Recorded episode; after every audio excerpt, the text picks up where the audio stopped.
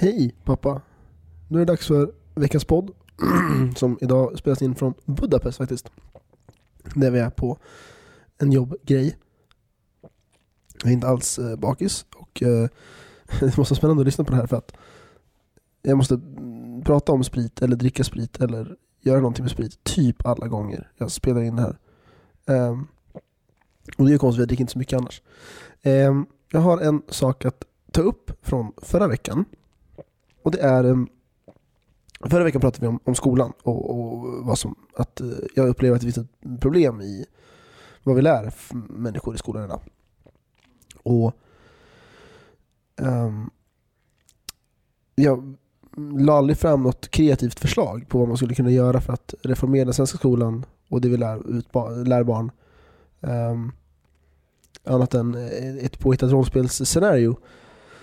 Och det skulle jag ha gjort. Um, så det, det jag skulle vilja ta upp som, som konkret exempel faktiskt på vad man skulle kunna göra annorlunda i skolan, som jag tror faktiskt vore en bra grej, som man redan testar på andra ställen, är eh, inom, eh, när du pluggar juridik så lär du dig väldigt, väldigt lite actual juridik mot, eh, mot vad många tror.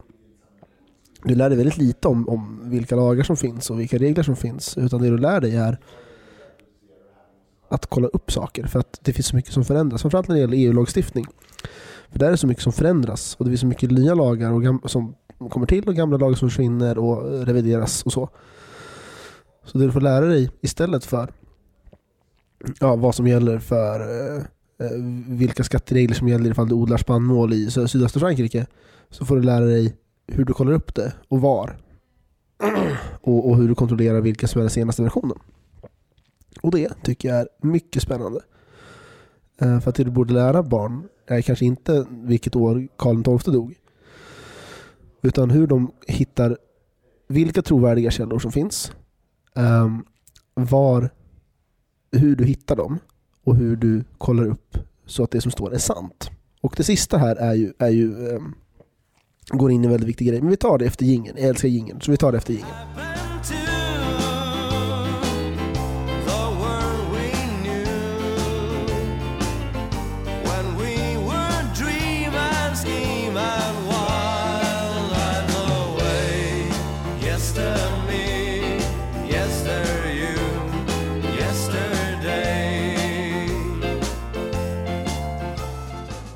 Igår så var jag och David ute. Eh, jag och Samuel ute, förlåt. Jag och var ute och då träffade vi två svenskar. Och vi eh, började prata politik med dem. Som man gör i Sverige, eller som, som, man gör, som svenskar gör nu för tiden. Eh, som man gör i Sverige nu för tiden. Man pratar inte om snygga bilar och snabba tjejer och eh, hur gott det är med sprit. Utan man pratar om, eh, man pratar om eh, Eh, politik. Och då så började vi, eh, och den ena av de här killarna var eh, fanatiskt emot eh, invandring. Och det slutade med att David han skrek på varandra så vakten fick se åt dem att vara tysta. Samuel han skrek på varandra så vakten fick se åt dem att vara tysta. Gällande, gällande eh, hur David bad honom om ett, Samuel bad honom ett konkret exempel på varför invandring inte fungerar och, och varför det är dåligt, eh, går dåligt för Sverige just nu. En, en konkret statistik, vad som helst. Liksom. Och killen kunde inte ge honom det. Han sa bara åk till Rinkeby, skrek åk till Rinkeby och kolla. Eh, var det hans argument. Och det här är ju sjukt. Jag brukar inte yttra så starka åsikter om saker, eh, eller vara väldigt eh, så liksom. Men, men det är ju sjukt. Hur du kan tro så mycket på någonting som du inte kan bevisa. Hej religion, hej ideologi, I guess. Um, men det var så här att var, han, Samuel sa att, han, eh, att killen var ju intresserad av politik på samma sätt som en huligan var intresserad av fotboll. Och det var en ganska fin jämförelse. Ehm, just att han har ju inget intresse, eh, han vet ju ingenting. Han tycker ju bara att man inte får säga vad man vill i Sverige och att invandrare kommer hit och bråkar och att man ska utvisa eh, våldtäktsmän. Liksom. Det var ju hans, hela hans hela hans argument. Och, och det fanns ingen bearing på någonting som har hänt i verkligheten. Eller någon, det finns inga siffror, det finns ingen fakta som stöder det här överhuvudtaget. Och det som är spännande, vi har, vi, har lärt oss att, vi har lärt oss att statistik går att vrida och vända på och vi har lärt oss att um, i, i skolan antar jag då förut. Någon gång har, har människor i samhället lärt sig nu att att inte lita på forskning och statistik utan vi har lärt oss istället att eh, lita på ja, eh, andra saker. Och det är ju jävligt märkligt. Och jag har sett diskussioner som handlar om att man borde ha källkritik som ämne i skolan. Jag håller inte med om det. Jag tror att det vore strikt bättre att lägga in källkritik i alla ämnen. Eh, när jag skrev på gymnasienivå, när jag skrev mitt, eh, vi hade ett, eh, ett projektarbete i i historia C då, som det hette. Um, och, och där var det, där, hela, den, hela det projektet handlade om att, handlade egentligen inte om att um, uh, skriva någonting, utan det handlade bara om källkritik. Det handlade om att, hitta, att gå till uh, vad heter det, uh, ar-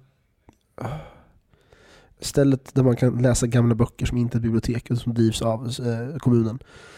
Ehm, eh, vi gick dit och man fick kolla på, jag skulle skriva om svenskar som emigrerade till Kina tror jag. Och jag fick hitta bilder och man fick eh, spåra stamtal, alltså stamtavlor, familjeträd eh, och eh, man var tvungen att ha X källor, du var tvungen att ha källor på källorna och, och så. Extremt bra sätt att lära sig om källkritik på. Nu var det dock bara ett ämne. Eh, det var just historia som. Eh, vi hade ingen källkritik i filosofin eller i ehm, psykologin eller i engelskan eller i svenskan eller i utan det var just bara, bara vi som tog historia C. Vilket var jag och typ tio personer till på hela skolan förut. Och bara vi som hade en, en sån uppgift. Sen hade alla projektarbete såklart.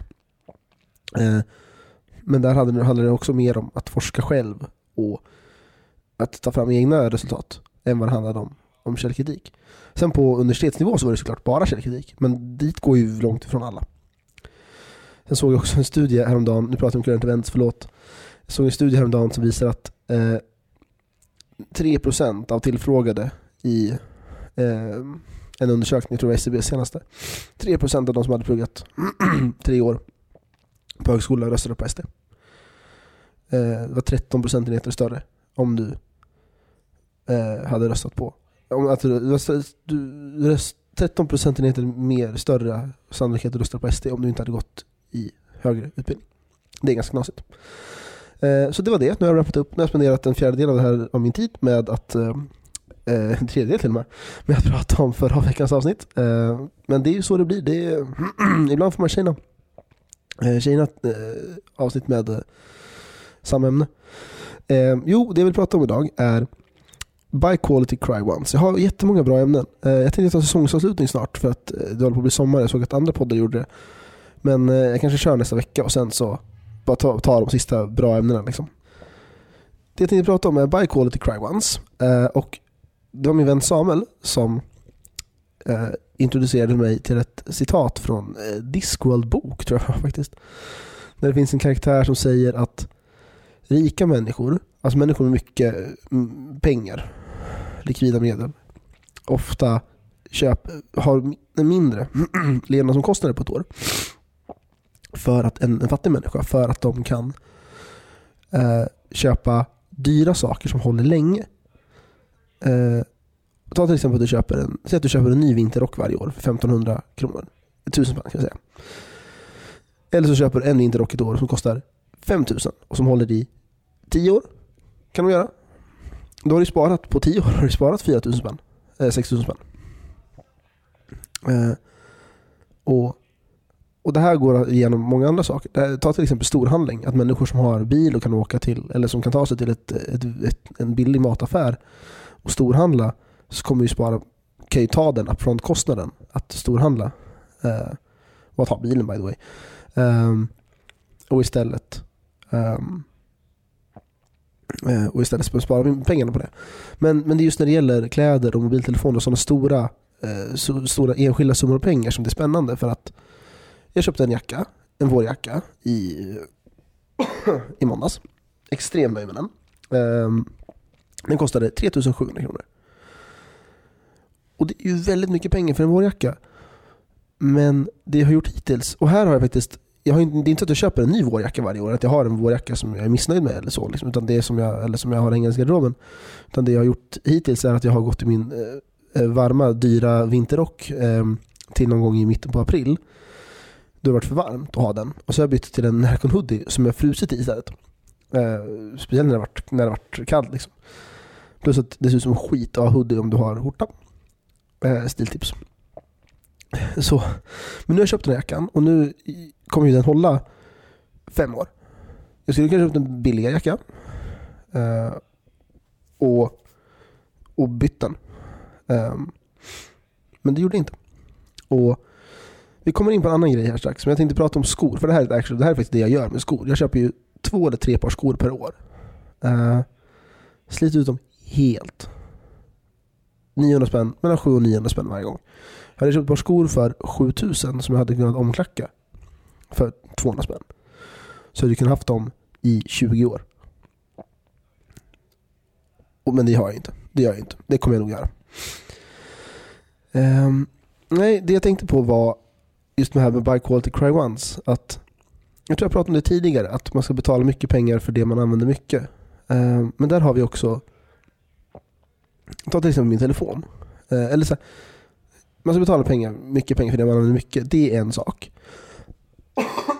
Men jag tycker också att du ska betala mycket saker för en bra grej. Mycket pengar för en bra grej. För att, bara för att undvika frustrationen av att ha en piss-sak som du måste interagera med. Ehm, jag hade det här är ett väldigt, väldigt, väldigt, jag vill vara tydlig med det nu. Det här är otroligt kontroversiellt det jag kommer säga nu. Jag hade en Android-telefon för länge sedan. Som var piss. Det var, en, eh, det var Samsungs första Galaxy-modell så det vill inte säga Ja, det var det värsta jag varit med om verkligen. Um, och där skulle jag ju Där skulle jag kunna köpt en En till Samsung Galaxy. Uh, när jag tröttnade på min gamla telefon. Eller när jag tröttnade på den, vilket jag gjorde ganska fort. Och kunde ha hållit på så. Och varit lite missnöjd hela tiden men ändå hållit, kommit undan kostnaden. För att det som, sen, det som hände sen var att jag köpte en iPhone. iPhonen var inte dubbelt så dyr, det var den inte, men den var väldigt dyr. Eh, den var dyrare än vad, än vad Samsung var. Och sen dess har jag varit nöjd med den. Och just det här att, att gå runt och vara missnöjd med någonting är ett, så- måste vara så, ett så himla tråkigt sätt att leva på, tycker jag. Jag förstår att det i slutändan är en, en cashflow-fråga, liksom, att alla inte har råd att göra så här. Um, men det är min åsikt om det här. Um, det var någon som pratade om glasögon på det här sättet också. Nu använder inte jag glasögon men tydligen så är det rätt pissigt att ha uh, glasögon som, sitter, som inte sitter bra eller som uh, kanske inte håller så länge eller som inte har perfekt skärpa. Jag vet inte. Allt som det kan vara. Och där var det just argumentet där var att det var väldigt, väldigt värt för glasögonbärare att köpa dyra briller och sen inte vara missnöjd med dem för att gå runt och ha missnöjd med glasögon är, är the worst thing ever. Men så det var det ämnet. Sen så har jag hittat ett fantastiskt sätt att lära mig ny kunskap på och det är Snapchat. Det finns nämligen en kille som heter Mark som är från USA som har varit med och grundat några startups, gått vidare till att vara eh, venture capitalist eh, som det heter där, riskkapitalist som det heter här. Um, och som har um, och som har gå- sen gått vidare från det till att föreläsa på eh, Stanford om, om, om just startups och eh, ledarskap och alltså allt, allt egentligen som har med startups att göra. Och han lägger ut alla sina lektioner på Snapchat i sex minuters format. Bara så här, sammanfattar allt och lägger ut på Snapchat. Genius. Du kan gå in och kolla allt han har gjort på snapstorms.com. Det är det han kallar eh, sitt, sitt eh, medie. Men han pratade häromdagen om hur du leder eh, företag. Och det här visar sig att det här går att, ehm, det här går att applicera på, på livet generellt. Den här grejen extremt. Och det handlade om, det första han pratade om var att du måste compartmentalize. Och att det är en stor skillnad mellan framgångsrika ledare och icke framgångsrika ledare är förmågan att göra det här. Och Hans teori är att det är en förmåga som inte kanske går att träna upp utan du behöver verkligen få fått den från, från grunden. Eh, för att det compartmentalize handlar om i grund och botten är att du måste kunna ta dina känslor och stänga in, ta känslor du känner över en grej, stänga in dem i en låda och inte låta det gå ut över andra saker. Andra känslor eller händelser eller beslut. Det här är någonting typ alla människor i hela världen är kassa på. Eh, och och jag ser det som en otroligt stor dygd om man lyckas med det här. Myself included. Men just att när han, han kanske hade, när han drev sin, sina startups, eh, sina företag, så hade han kanske bråkat med sin fru på morgonen, barnen hade kanske varit jobbiga. Han kanske hade en jättekonflikt eh, med någon medarbetare. Um, han kanske har bråkat på något möte, sådana saker. Liksom alla saker som du kan tänka. Kanske var lång kö liksom, på bilkö. Alla saker du kan tänka dig kan hända på en dag. Um, dåligt. Allt det var han tvungen att lämna.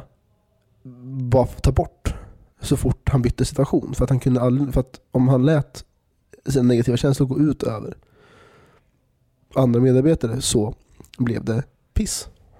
Då blev det, och, och det här var en stor sak som han upplevde hjälpte honom till att få sina företag så pass framgångsrika att han kunde börja investera istället. Jag tycker det är så himla spännande för att och det här gäller för övrigt positiva känslor också. Att om du är glad över en grej, om du är glad och igång så kanske det inte är rätt att ta beslut baserat på det utan du kanske borde se, försöka se beslut objektivt alla gånger. Jag vet inte om det goes without saying men, men äh, det... Ja. Um, nej men så, om man ska applicera det här på livet så är det just det här att ja, är du kanske en dålig dag på jobbet då kanske inte du ska ta ut det hemma utan du kanske ska låta den dåliga dagen på jobbet vara en dålig dag på jobbet. Stänga in i en låda, komma hem och, och vara glad hemma. Um, en av personerna du bor med är kanske jobbig, då ska det kanske inte gå ut över personen, den andra personen du bor med och tvärtom. Uh, bara för att du är stressad ska du inte vara otrevlig mot tjejen i Pressbyråkassan. Pressbyråkassan. Uh, etc, etc. Så. Utan att all, alltid ta alla relationer uh, och inte interaktioner som en separat händelse. Eh, när jag jobbade på Tele2 så var det mer än en kund som ringde in och var väldigt upprörd. Och det var inte upprörd på mig, utan de var, de var upprörda för att de hade hänt någonting. Jag hade haft en dålig dag, ni vet det vanliga. Och det är spännande hur hur mycket som skit du hade, vi som satt i grundtjänst hade kunnat slippa. Eh, vi tog ändå 10 000 samtal om dagen och så här liksom. Och det är sjukt hur mycket skit jag hade kunnat slippa om, om människor bara hade varit bättre på att inte låta sina känslor över en sak gå ut över en annan. Det var det ämnet. Eh, Mark i Snapchat introducerade också en annan term som jag verkligen, verkligen, verkligen tyckte om. Jag tror att det var Mark. Eller så var det Samuel. Eh, han kallade det för ett random stream of conscience. Consciousness. Random stream of consciousness. Jag tyckte det var ett så himla vackert uttryck. Det är nämligen exakt vad den här bloggpodden eh, handlar om. Det är jag som eh, kräks ut eh, saker som jag har i mitt medvetande at any given time på en mikrofon och in i dina öron. Eh, och, och jag har verkligen, försökt jag har verkligen letat ag- aggressivt, aktivt efter sätt att sammanfatta vad jag gör på. Och random stream of consciousness, jag vet inte om man översätter det till svenska. Random stream of consciousness är så himla, ett så himla bra sätt att uttrycka det på. Och eh, eftersom jag har dragit över alla andra poddar jag har gjort hittills, literally alla andra, så kommer jag inte att göra det med den här. eh, men det här var, det du har lyssnat på nu är en Random Stream of Consciousness från Daniel Lenius. Eh, om du inte tyckte om formatet eller det jag säger, om du hellre vill lyssna på någon som, som har en baktanke eller som har en tanke med det jag säger, så eh, ska du inte lyssna på det här eller prenumerera på det här. Du får gärna lämna en kommentar. Om du har åsikter och allt det andra och tycker att det här var bra så får du jättegärna trycka på prenumerera-knappen. Inget krav. Eh, jag tror att... Nej. Eh, nej, vi slutar bara. Det är mycket bättre så. Eh, för jag... Tack för att du lyssnade. Jag heter Daniel Urenius och jag är bara en dude.